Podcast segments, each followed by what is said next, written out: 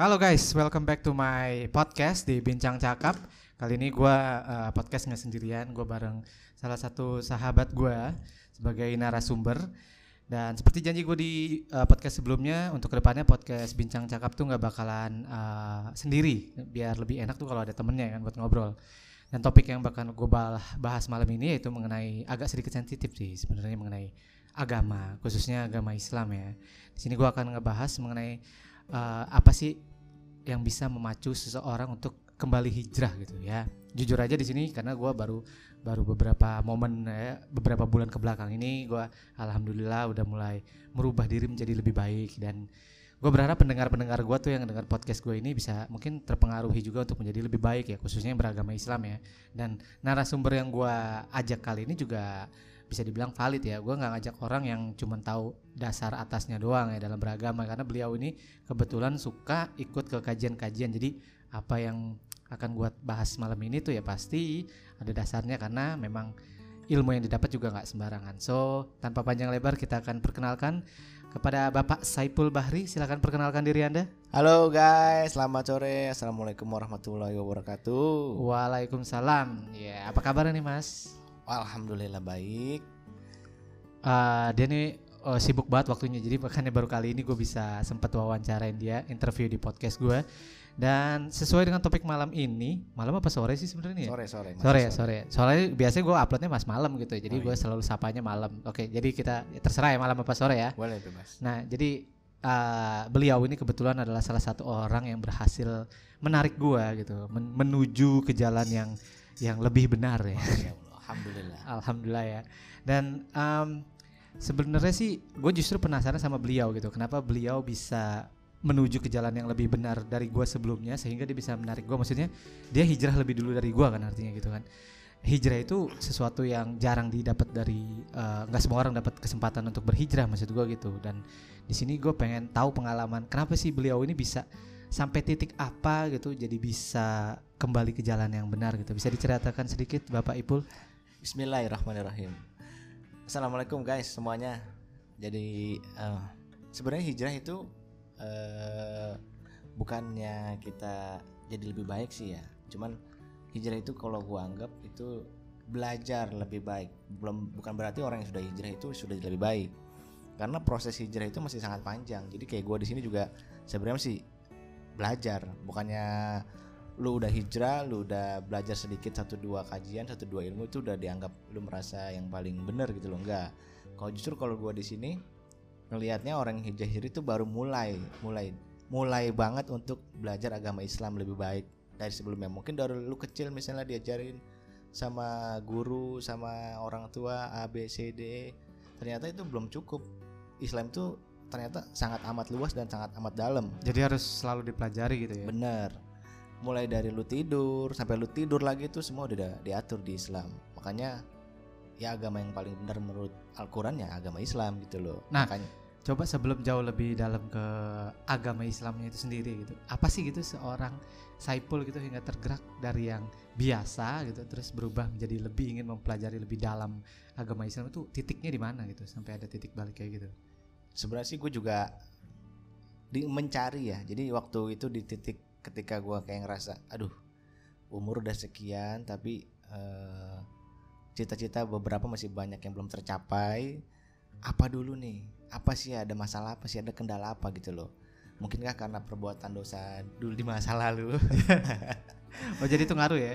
Ngaruh banget karena kadang-kadang eh, apa yang kita lakukan dosa di masa lalu itu nggak langsung saat itu kita dibales. Mungkin saat kita tua nanti atau bisa saat itu juga karena beberapa di agama Islam tuh ada beberapa dosa yang dibalasnya nanti ada yang saat itu juga kayak orang kayak kita durhaka sama orang tua tuh kita langsung dibalas saat itu juga hmm. jadi di dunia dapet di akhirat juga dapet gitu jadi waktu itu waktu gue mulai belajar tuh gue kayak cari-cari kajian-kajian secara online nah gitu. mau belajarnya itu kenapa tuh kalau boleh tahu nah gitu? itu tadi jadi hidup tuh kayak aduh ada yang kurang nih banyak yang kurang biarpun istilahnya dulu istilahnya pekerjaan dapat kerjaan enak deket rumah terus tapi kayak ada yang hampa gitu loh ada yang kurang apa nih jadinya ya salah satu teman kita juga sebenarnya yang ngajak kita buat berubah gitu loh. Oh, iya, ada satu lagi ya. Iya, beliau saat ini nggak ada di sini. Jadi coba deh lu dengerin coba deh lu baca ini akhirnya ya udah gue mulai baca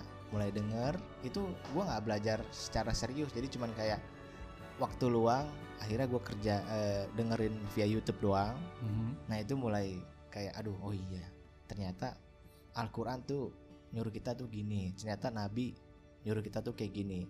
Mulai gue ikutin pelan-pelan gue ikutin pelan-pelan akhirnya ternyata alhamdulillah tuh semua bisa ngerubah jadi lebih baik gitu loh. Oh jadi dalam proses pembelajaran itu dap- eh, selama proses belajar tuh dapat kayak ketenangan tersendiri gitu ya dari bukan ketenangan lagi jadi aduh ketika kita dicoba pun udah kayak istilahnya Allah selama ini kan orang kalau gue dicoba tuh ya Allah ini kenapa sih Allah jahat banget gitu sama Oh iya benar-benar. Tapi kalau sekarang tuh kayak dicoba tuh lebih ya Allah Allah sayang banget ya sama gue nih.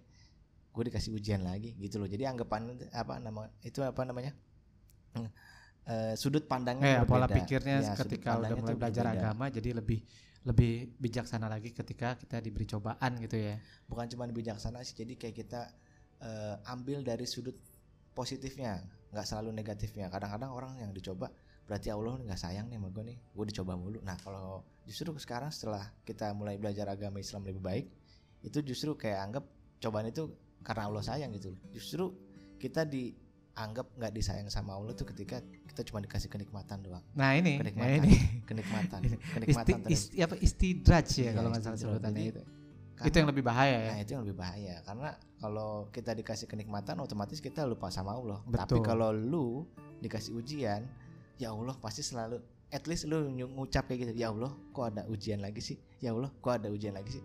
Jarang banget ketika lu lagi happy lu inget Allah, jarang banget. jarang pasti. itu jarang benar-benar. Pasti lu pas lagi susah selalu inget Allah gitu. Jadi sekarang sudut pandang gua kalau gua dikasih cobaan ya udah gua anggapnya Allah lagi sayang nih sama gua nih. Kalau kita lagi sakit itu juga Allah juga lagi sayang sama kita dosa-dosa kita diampuni gitu. Nah, jadi kalau dari Bapak Ipul ini dia kenapa hijrah mungkin karena rasa keingintahuannya ya. Kalau karena kalau gue dari pribadi, gue tuh berubah jadi hijrah itu karena ya eh, kalau gue sih mencari kedamaian sama ketenangan ya dan dan cara beliau ini waktu dulu ngajak gue emang berbeda gitu. Beliau menggunakan cara cara keras gitu. Hardline. hardline garis keras banget dia, dia dia kurang masuk caranya ke gua sedangkan ada beberapa uh, teman lagi yang belum ada di sini dan mereka berhasil ngajak gua dengan cara yang cara unik dan cara lembut lainnya gitu nah cuman uh, dari perbedaan cara untuk ngajak orang hijrah itu nggak membuat kita jadi bermusuhan ya. Iya. malah jadi kayak saling ngelengkapin satu sama lain jadi saling ngasih tahu. Karena ya kalau misalnya gua ada masih salah-salah pasti beliau ini ngasih tahu. Karena jujur aja pemahaman gua tentang agama Islam itu masih minim.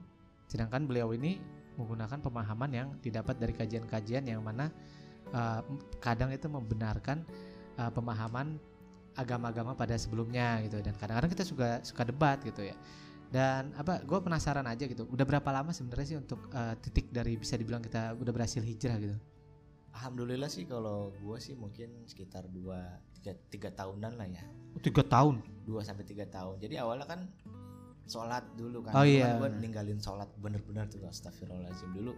Sholat paling cuma sholat maghrib doang. nah, itu sholat penting tuh guys. Jangan sampai lu ninggalin sholat tuh ya. Sholat. Jadi gue mulai belajar sholat dulu. Sebenarnya sih mulainya tuh hijrah tuh dari mulai perbaikin sholat sih iya benar jadi jadi perlu dicatat nih ya yang namanya hijrah itu bukannya tiba-tiba lu sholat jumat atau sholat id. Itu sholat-sholat yang jarang gitu. Lu hijrah itu sholat ya sholat yang emang udah wajib banget tuh lima waktu gitu. Itu yang penting. Itu yang Kita penting. mulai perbaiki sholat dulu. Emang dulu awalnya nggak langsung gua lima waktu. Cuma dua tiga waktu subuh yang paling berat. Seiring berjalannya waktu Iya. lima ya. Alhamdulillah sekarang sudah beberapa tahun ya sudah lima. Jadi sudah lima.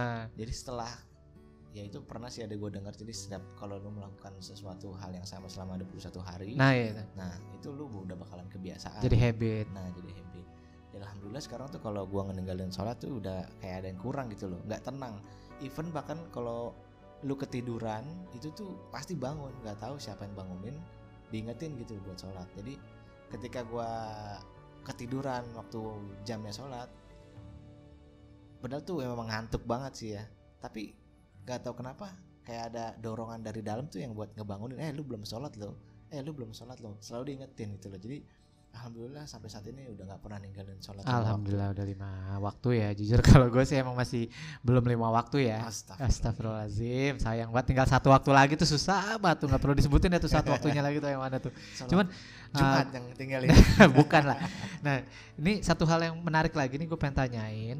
Sebenarnya efek dari kalau yang tadi gue bilang kan gue cari kendamaian dan alhamdulillah ya gue berhasil mendapatkan dengan mencoba memperbaiki diri hijrah ini eh, ke diri gue sendiri.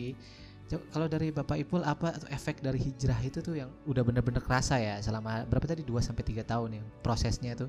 Efek yang dirasa tuh apa ke diri sendiri itu jangan ke lingkungan ya ke diri sendiri dulu aja. ya itu tadi yang kita udah mulai beda cara sudut pandangnya ketika dapet sesuatu ujian ataupun kesenangan. Itu tadi yang tadi anggapannya kita kalau diuji tuh Tuhan nggak sayang Allah nggak sayang ke kita sekarang berubah. Jadi justru kalau kita uji, diuji tuh Allah sayang sama kita. Terus kalau kita selalu di- diberi kenikmatan tuh kayak kita jadi kok ada apa ya? Kok gue selalu diberi kenikmatan ke rezeki yang banyak? Apa Allah mau buat gue lupa? Bukan bukan kita berpikiran negatif terhadap Allah cuman kita jadi tetap harusnya tetap ingat gitu loh ketika kita diberi nikmat sama Allah tetap harus ingat. Jadi eh, sudut pandang sebelum hijrah sama sudut pandang setelah hijrah tuh lebih banyak setiap kejadian apa pun diambil secara positif Bray. Jadi Gitu. lebih sabar ya. bukan cuma sabar jadi semua kalau ada masalah apa apa pun kita ambilnya positifnya. Oh mungkin ini karena dosa-dosa gue zaman lalu. Ketika ada masalah ini kok anak gua nakal? Oh mungkin waktu kecil anak gue juga nakal. Terus yang kedua kok istri gue kayak gini? Oh mungkin ini karena gue juga ngedidiknya aja kurang. Jadi selalu menyalahkan ke diri kita dulu Bray. Jadi lebih ke arah pengoreksi diri Iya. lebih banyak gitu ya karena iya ya diajarkannya emang selalu melihat yang hal yang positif gitu iya, ya. jadi di- kita jadi ambil selalu ambil sudut pandangnya positifnya dulu. Oh ini mungkin kita yang salah. Oh ini kita yang salah gitu. Jangan kita dikit-dikit harus nyalain orang dulu. Nyalain Allah nyalain siapa pun ya. Kita salin diri kita dulu. Pernah gak kita melakukan hal tersebut? Pernah gak kita ninggalin dosa kayak gitu? Jadi ya itu itu sih. Iya, ya pantas sih kalau kalau gue bilang orang yang orang Islam itu yang uh, bagus banget menurut gue itu emang orang yang setelah belajar uh, maksud gue gini dia misalnya awalnya dia kurang bagus gitu tidak meninggalkan Islam banget terus tiba-tiba dia hijrah atau bertobat itu pasti lebih lebih apa namanya lebih ngena sih lebih bukan lebih kena ya lebih lebih Islam banget dan lebih adem banget gitu karena dia udah ngeliat dari dua sisi gitu dari Ya. sisi yang nggak baik sama dia beralih ke Islam yang sisi baik akhirnya dia jadi lebih lebih bagus lagi gitu daripada orang yang memang dari awalnya mungkin dia baik baik baik tapi kadang uh, malah menganggap orang lain jelek gitu loh. Ya kayak almarhum Ustadz Uje gitu kita tahu kan beliau dulunya adalah pemain band dan Ya, juga gimana gitu. Benar. terus kemudian beliau hijrah gitu kita malah jadi apa jadi ustadz kita malah jadi kayak ngeliat wah ini orang kok apa adem banget dilihatnya gitu ya. Jadi jadi buat kawan-kawan yang di luar sana mungkin yang mau berhijrah itu nggak ada kata terlambat ya. Nggak ada. Selama nafas kita masih ada di belum sampai tenggorokan itu masih ada waktu. Tapi sebenarnya uh, biar nggak nggak rancu ya? Iya. uh, hijrah sama tobat tuh beda apa? Apa enggak? Kalau tobat tuh lebih kayak lu udah ngelakuin dosa besar nih Mhm. terus lu menyesal nah itu tobat. Kalau hijrah? Kalau hijrah itu prosesnya Bray. Prosesnya dari lu apa namanya tidak melakukan hal-hal yang diatur oleh agama jadi lu melakukan ke hal-hal yang diatur diatur oleh agama syariat agama gitu loh. Jadi hijrah itu lu harus pahami dulu hijrah itu adalah berpindah. Ya nah pindah. jadi hijrah itu adalah proses berpindah jadi ba jadi Dari buruk tidak ke baik. iya jadi kurang baik. Kalau tobat ya itu di awal sebelum lu hijrah tuh lu ya lu tobat dulu kalau bisa. Karena lu kan mulai dari kayak oke sekarang gue udah mau ninggalin hal-hal ini gue bertobatan nasuha gue sholat gue tinggalin semua. Kak, berarti kalau misalnya gue hijrah nih hijrah gitu hijrah uh, menghindari minuman keras gitu. Tiba-tiba dia dalam proses itu dia tergoda lagi. Hmm. kemudian sempat kembali lagi ke minuman keras sedikit terus dia balik lagi hijrah itu berarti apa tuh? Sebenarnya sih eh, lu tanamin dulu sih di awal di hati lu. Jadi makanya gue bilang tadi perbaiki sholat dulu. Insya Allah dengan perbaiki sholat itu lu akan memperbaiki semua kehidupan lu gitu loh. Jadi kalau eh, selama ini kan yang menjaga lu itu kan malaikat kan. Jadi kalau lu sholat itu eh, perbuatan-perbuatan kayak gitu tuh akan hilang Bray. Ketika lu mau minuman keras oh iya nggak jadi deh dosa. Ketika lu mau makan da- yang Daging babi. daging babi. Jadi kalau lu ketika lu mau makan oh iya dosa ini dilarang Allah. Nah itu itu yang akan menjaga lu. Makanya lu perbaiki sholat lu dulu.